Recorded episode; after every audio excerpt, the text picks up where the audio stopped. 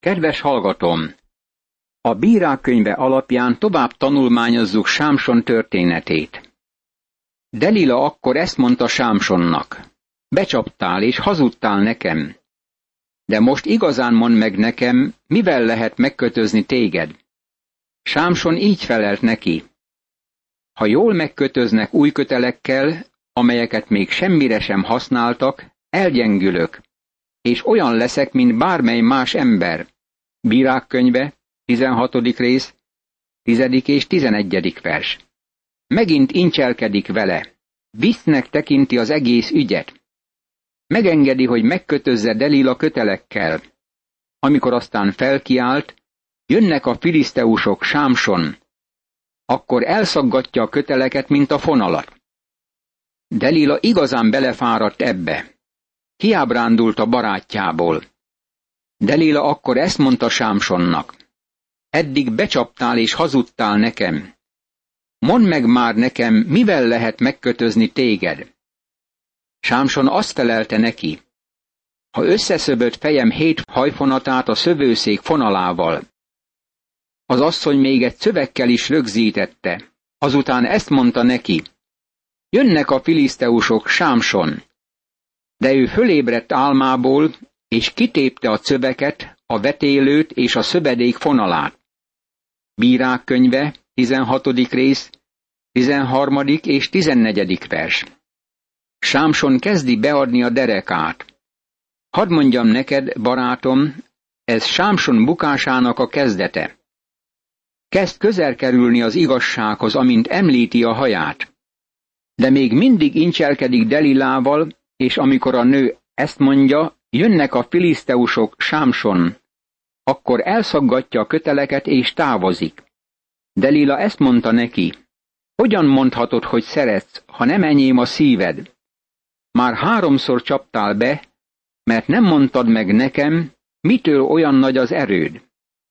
Amikor minden nap zaklatta és gyötörte szabaival, halálosan megunta a dolgot. Feltárta előtte egész szívét, és ezt mondta neki. Borotva nem érte soha a fejemet, mert Istennek vagyok szentelve születésemtől fogva. Ha megnyírnak, oda lesz az erőm, elgyengülök, és olyan leszek, mint bármely más ember. Bírák könyve, 16. rész, 15., 16. és 17. vers. Ekkor Delila azt mondja Sámsonnak, hogyha igazán szeretné őt, akkor elmondaná neki erejének titkát. Ezért Sámson elárulja, hogy ő názír. A hosszú haj e fogadalmának a jele. Ereje ugyan nem a hajában, hanem Isten lelkében van, aki rászállt. Delila látja, hogy milyen ostoba Sámson. Amikor Delila látta, hogy egészen feltárta előtte a szívét, elküldött és hívatta a filiszteusok városfejedelmeit, és ezt üzente. Most jöjjetek, mert egészen feltárta előttem a szívét. A filiszteusok városfejedelmei elmentek hozzá, és a pénzt is vitték magukkal. Ekkor elaltatta Sámsont a térdén, hívott egy embert, és levágott hét hajfürtöt a fejéről. Azután elkezdte szólongatni, de azt már elhagyta az ereje. Ezt mondta Delila. Jönnek a filiszteusok, Sámson. Ő felébredt álmából, de azt gondolta, kiszabadulok most is, mint máskor, csak megrázom magam. Mert még nem tudta, hogy elhagyta őt az Úr. Bírák könyve, 16. rész, 18., 19. és 20. vers.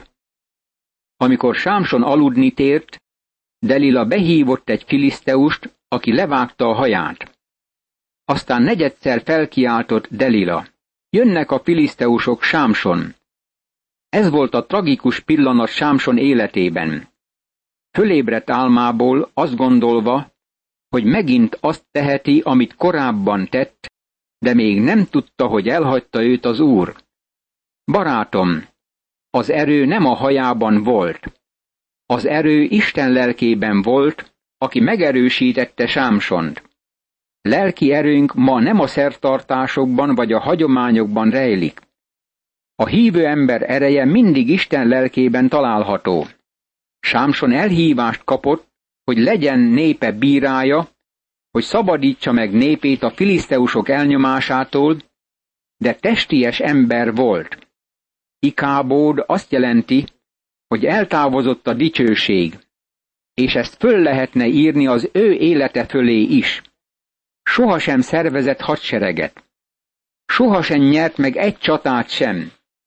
Sohasem gyűjtötte össze Izrael embereit maga köré.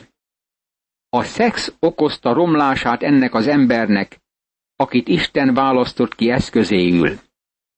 De a filiszteusok megragadták, kiszúrták a szemét, és elvitték Gázába. Bilincsbe verték, és malmot kellett hajtania a foglyok házában. De Sámson fején nőni kezdett a haj azután, hogy levágták. Egyszer a filiszteusok városfejedelmei összegyűltek, hogy nagy áldozatot mutassanak be Istenüknek, Dágónnak, és hogy örvendezzenek. Ezt mondták. Kezünkbe adta Istenünk Sámsont, aki ellenségünk. Bírák könyve, 16. rész, 21., 22. és 23. vers. Most Sámson tragikus vége felé közeledünk. Miután a filiszteusok elfogták, kiszúrták a szemét, megvakították, aztán kényszerítették, hogy a börtönben egy igavonó állat munkáját végezze. Míg a börtönben volt, kezdett nőni a haja. Most nagyon megbánta bűnét. A filiszteusok természetesen a Sámson fölötti győzelmet Istenüknek, Dágonnak tulajdonították, és lakomát rendeztek ünneplésére. Azután olyan jókedvük támadt, hogy ezt mondták. Hívjátok ide Sámsont, hadd szórakoztasson bennünket. Oda is hívták Sámsont a foglyok házából, hogy szórakoztassa őket, és odaállították az oszlopok közé. Sámson ezt mondta annak a fiúnak, aki a kezét fogta. Eresz el, hadd tapogassam meg az oszlopokat, amelyeken a ház nyugszik, és hadd támaszkodjam hozzájuk. A ház tele volt férfiakkal és asszonyokkal, ott voltak a filiszteusok városfejedelmei, a tetőn pedig mintegy háromezer férfi és nő, akik Sámson játékán szórakoztak. Bírák könyve, 16. rész, 25., 26. és 27. vers. Hogy teljesé tegyék győzelmi ünnepüket, a filiszteusok előhozták Sámsont a börtönből. Aztán bolondot csináltak belőle. Mintegy háromezer férfi és nő figyelte Sámson kínzását. Ekkor Sámson az úrhoz kiáltott, és ezt mondta. Ó, uram, uram, emlékezz meg rólam, és erősíts meg engem még most az egyszer, én Istenem, hogy bosszút állhassak a filiszteusokon a két szememért. Azzal átfogta Sámson a két középső oszlopot, amelyeken a ház nyugodott, az egyiket jobb kezével, a másikat bal kezével, és nekik feszült. Majd ezt mondta Sámson. Hadd halljak meg én is a filiszteusokkal együtt. Azzal megfeszítette erejét, úgyhogy a ház rádőlt a város fejedelmekre és az egész népre, amely ben volt. Így többet ölt meg halálával, mint ahányat megölt életében. Ezután elmentek a testvérei és apjának egész háza népe, fölvették és hazavitték. Szórá és Estáol között temették el apjának, Mánoaknak a sírjába. Húsz évig volt Izrael bírája. Bírák könyve, 16. rész, 28. verstől a 31. versig. Sámson élete kudarcba fulladt. Kezdte megszabadítani Izraelt, de nem fejezte be feladatát. Játszott a bűnnel. Miközben Isten lelke távozott tőle. Három kiemelkedő igevers mondja el történetét. Mi volt Sámson erejének titka?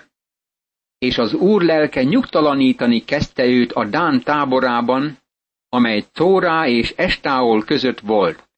Bírák könyve, 13. rész, 25. vers. Mi volt Sámson sikerének a titka? mert teherbe fogsz esni, és fiút szülsz. Ne érje annak a fejét borotva, mert Istennek szentelt lesz az a gyermek már anyja méhében. Ő kezdi majd megszabadítani Izraelt a filiszteusok hatalmából.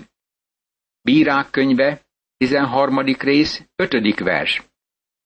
És mi volt Sámson kudarcának a titka? Ezt mondta Delila. Jönnek a filiszteusok, Sámson. Ő felébredt álmából, de azt gondolta. Kiszabadulok most is, mint máskor, csak megrázom magam. Mert még nem tudta, hogy elhagyta őt az Úr. Bírák könyve, 16. rész, 20. vers. Most figyel meg a párhuzamot Jézus és Sámson élete között. Mindkettejük születését angyal jelentette be. Mindkettejüket elválasztotta Isten anyjuk méhétől fogva. Mindketten názírok voltak. Mindkettejüket a Szentlélek hatalma töltötte be. Mindkettejüket elutasította a saját népe. Mindketten pusztították vagy elpusztítják az ellenséget. De Sámson bűnben élt, míg Jézus bűn nélküli volt. Sámson a halála idején így imádkozott. Ó, Uram, Uram, emlékezz meg rólam, és erősíts meg engem még most az egyszer, én Istenem, hogy bosszút állhassak a filiszteusokon a két szememért. Jézus így imádkozott. Atyám, bocsáss meg nekik, mert nem tudják, mit cselekszenek. Sámson a halála órájában haraggal tárta ki karjait. Jézus a halálában szeretetből tárta ki karjait. Sámson meghalt. Jézus Krisztus él. A bírák könyve 17. fejezetétől a 21. fejezetéig terjedő szakaszban olvassuk azt a történelem filozófiát, amit a könyv elején is említ az író.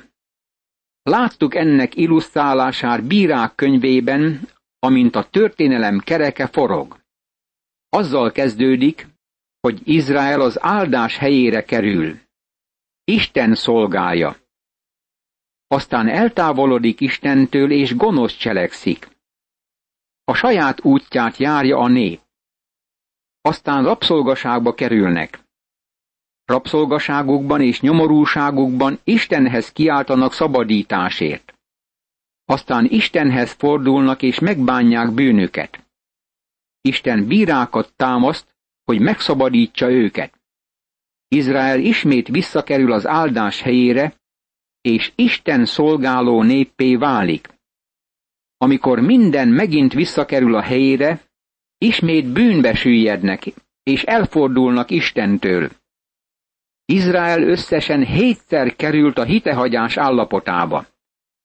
Ez bemutatja nekünk a Szentírás történelem szemléletét. Minden nemzet ebben a sorrendben süllyed el. Vallásos hitehagyás, erkölcsi süllyedés, politikai anarchia. A romlás a templomnál kezdődik, aztán folytatódik az otthonban, és végül az államban. Így buknak el a nemzetek. A hitehagyásnak ez az időszaka Dán törzséből indul, mert meg akarják nagyobbítani határaikat. Ez egy másik bálványimádási korszak Izraelben. Mind oda vezethető vissza Míká házához, akit édesanyja rontott meg. A Míká által felfogadott pap, hogy törődjék bálványaival, azt tanácsolta Dánnak, hogy hajtsa végre önző tervét. Ez a felfogadott pap behízelgő beszédű volt. Volt Efraim hegyvidékén egy Míká nevű ember. Ez azt mondta egyszer az anyjának, az az 1100 ezüst, amit elvettek tőled, és ami miatt átkot mondtál a fülem hallatára is, az az ezüst nálam van, én vettem el. Az anyja ezt mondta, áldjon meg az úr, fiam. Bírák könyve, 17. rész, első és második vers. Míká példája az elrontott gyermeknek. Ő a mama fia. Tudja, hogy édesanyja megtakarított bizonyos pénzt, és elhatározza, hogy ellopja azt. Édesanyja nem tudva kilopta el a pénzt, átkot hirdet a tolvajra. Ezért a fiú bevallja, hogy ő a tolvaj, és ahelyett, hogy a mama térdre kényszerítené őt, ezt mondja neki. Áldjon meg az úr, fiam! Amikor visszaadta anyjának az 1100 ezüstöt, ezt mondta az anyja. Ezt az ezüstöt én arra szántam, hogy az úrnak szentelem a fiamért. Készítsenek belőle faragott és öntött bálványszobrot. Most azért visszaadom neked. Bírák könyve, 17. rész, harmadik vers. Amikor Méká visszaadta a pénzt édesanyjának, ő megmondta a fiúnak, hogy a pénzt az úrnak szentelte, hogy faragott és öntött bálványszobrot készítsenek annak segítségével. Láthatod, hogy már ennyire elmerültek a bálványimádásban. Így hát visszaadja a fiának, és tudjuk, hogy ma sok keresztény éppen ennyire következetlen. A pénzt az asszony az úrnak szentelte, de bálvány készítésére használja fel. Sok csoport a fölajánlásról azt mondja, hogy az úré, de aztán társadalmi együttlétre használják fel péntek este. Azt mondják, hogy a pénz az úré, de valójában a saját élvezetük Istenét tisztelik vele. Ennek a Míkának volt egy házi szentélye. Készítetett éfódot és házi bálványt, egyik fiát pedig felavatta, és az lett a papja. Abban az időben nem volt király Izraelben, mindenki azt csinálta, ami neki tetszett. Bírák könyve, 17. rész, 5. és 6. vers. Míkának voltak házi istenei. Édesanyja adta az ezüstöt a bálványokra, és Míká szentét emelt azoknak. Éfódot és házi bálványt is készített, hogy a szentély fölszerelését teljessé tegye. Aztán mindezek fölé egyik fiát fölszentelte, hogy legyen a papja. Eljutottak egy olyan ponthoz, ahol mindenki azt csinálta, ami neki tetszik. Volt egy ifjú lévita Júda nemzetségéből, a júdai Betlehemből, de jövevény volt ott. Elindult azért ez a férfi a júdai Betlehem városából, hogy ott tartózkodjék, ahol majd alkalmas helyet talál.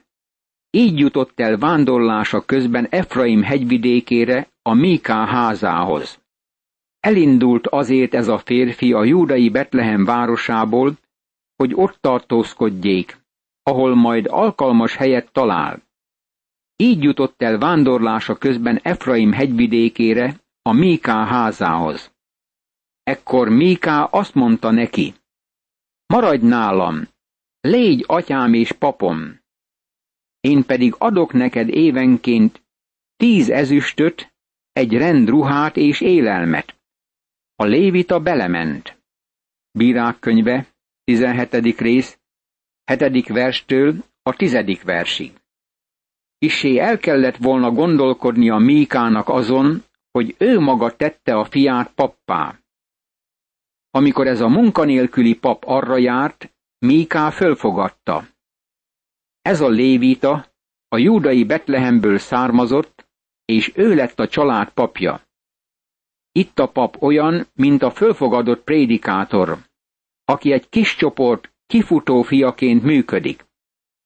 Isten irgalmazzon annak a gyülekezetnek, amelyiknek ilyen prédikátora van. Ennek a lévitának most már van papja, és a háza tele van bálványokkal. Úgy döntött a lévita, hogy ott marad annál az embernél. Az pedig olyannak tekintette az ifjút, mint a saját fiát. Míká tisztébe avatta lévitát, és így az ifjú a papjává lett, és Míká házában élt. Míká pedig ezt mondta. Most már tudom, hogy jót fog velem tenni az úr, mert egy lévita lett a papom. Bírák könyve, 17. rész, 11., 12. és 13. vers. Ez a fejezet bemutatja, hogy milyen mélyre zuhant Izrael népének lelki élete. Itt van egy ember, aki azt gondolja, hogy mivel Lévita a papja, csak éppen erre van szüksége. Mennyire tragikus az e fajta gondolkodás. Míká mégis várja Isten áldását az életére. Milyen sokan éppen ehhez hasonlítanak napjainkban. A dániaknak olyan területet jelöltek ki, amelyet a hatalmas filiszteusok foglaltak el. Úgy érezték, hogy több területre van szükségük a megélhetéshez. Nem volt király Izraelben. Teljes zűrzabar uralkodott mindenfelé. Nem volt vezetőség. Abban az időben nem volt király Izraelben. Abban az időben Dán törzse megfelelő területet keresett magának, hogy letelepedjék, mert addig nem jutott megfelelő örökséghez Izrael törzsei között. Bírák könyve, 18. rész, első vers. Józsué könyve alapján emlékszünk arra, hogy Izrael egyik törzse sem vette birtokba mindazt a területet, ami az ő öröksége lett volna. Ez bizonyára így van a Dán törzsével kapcsolatban is az északi ország részben. A dániaknak igazán nagy problémájuk volt. A hegyeket foglalták el. Imádkozzunk! Örökkévaló Istenem! Áldom szent neved az igéért. Ennek alapján felismerem életem hiányosságait, és ugyanakkor megismerem szent akaratodat, amit terveztél az életemmel. Segíts nekem, hogy igéd útmutatásaira figyelve, mindig a helyes úton járjak, és dicsőítsem szent nevedet, az Úr Jézus Krisztus által. Ámen.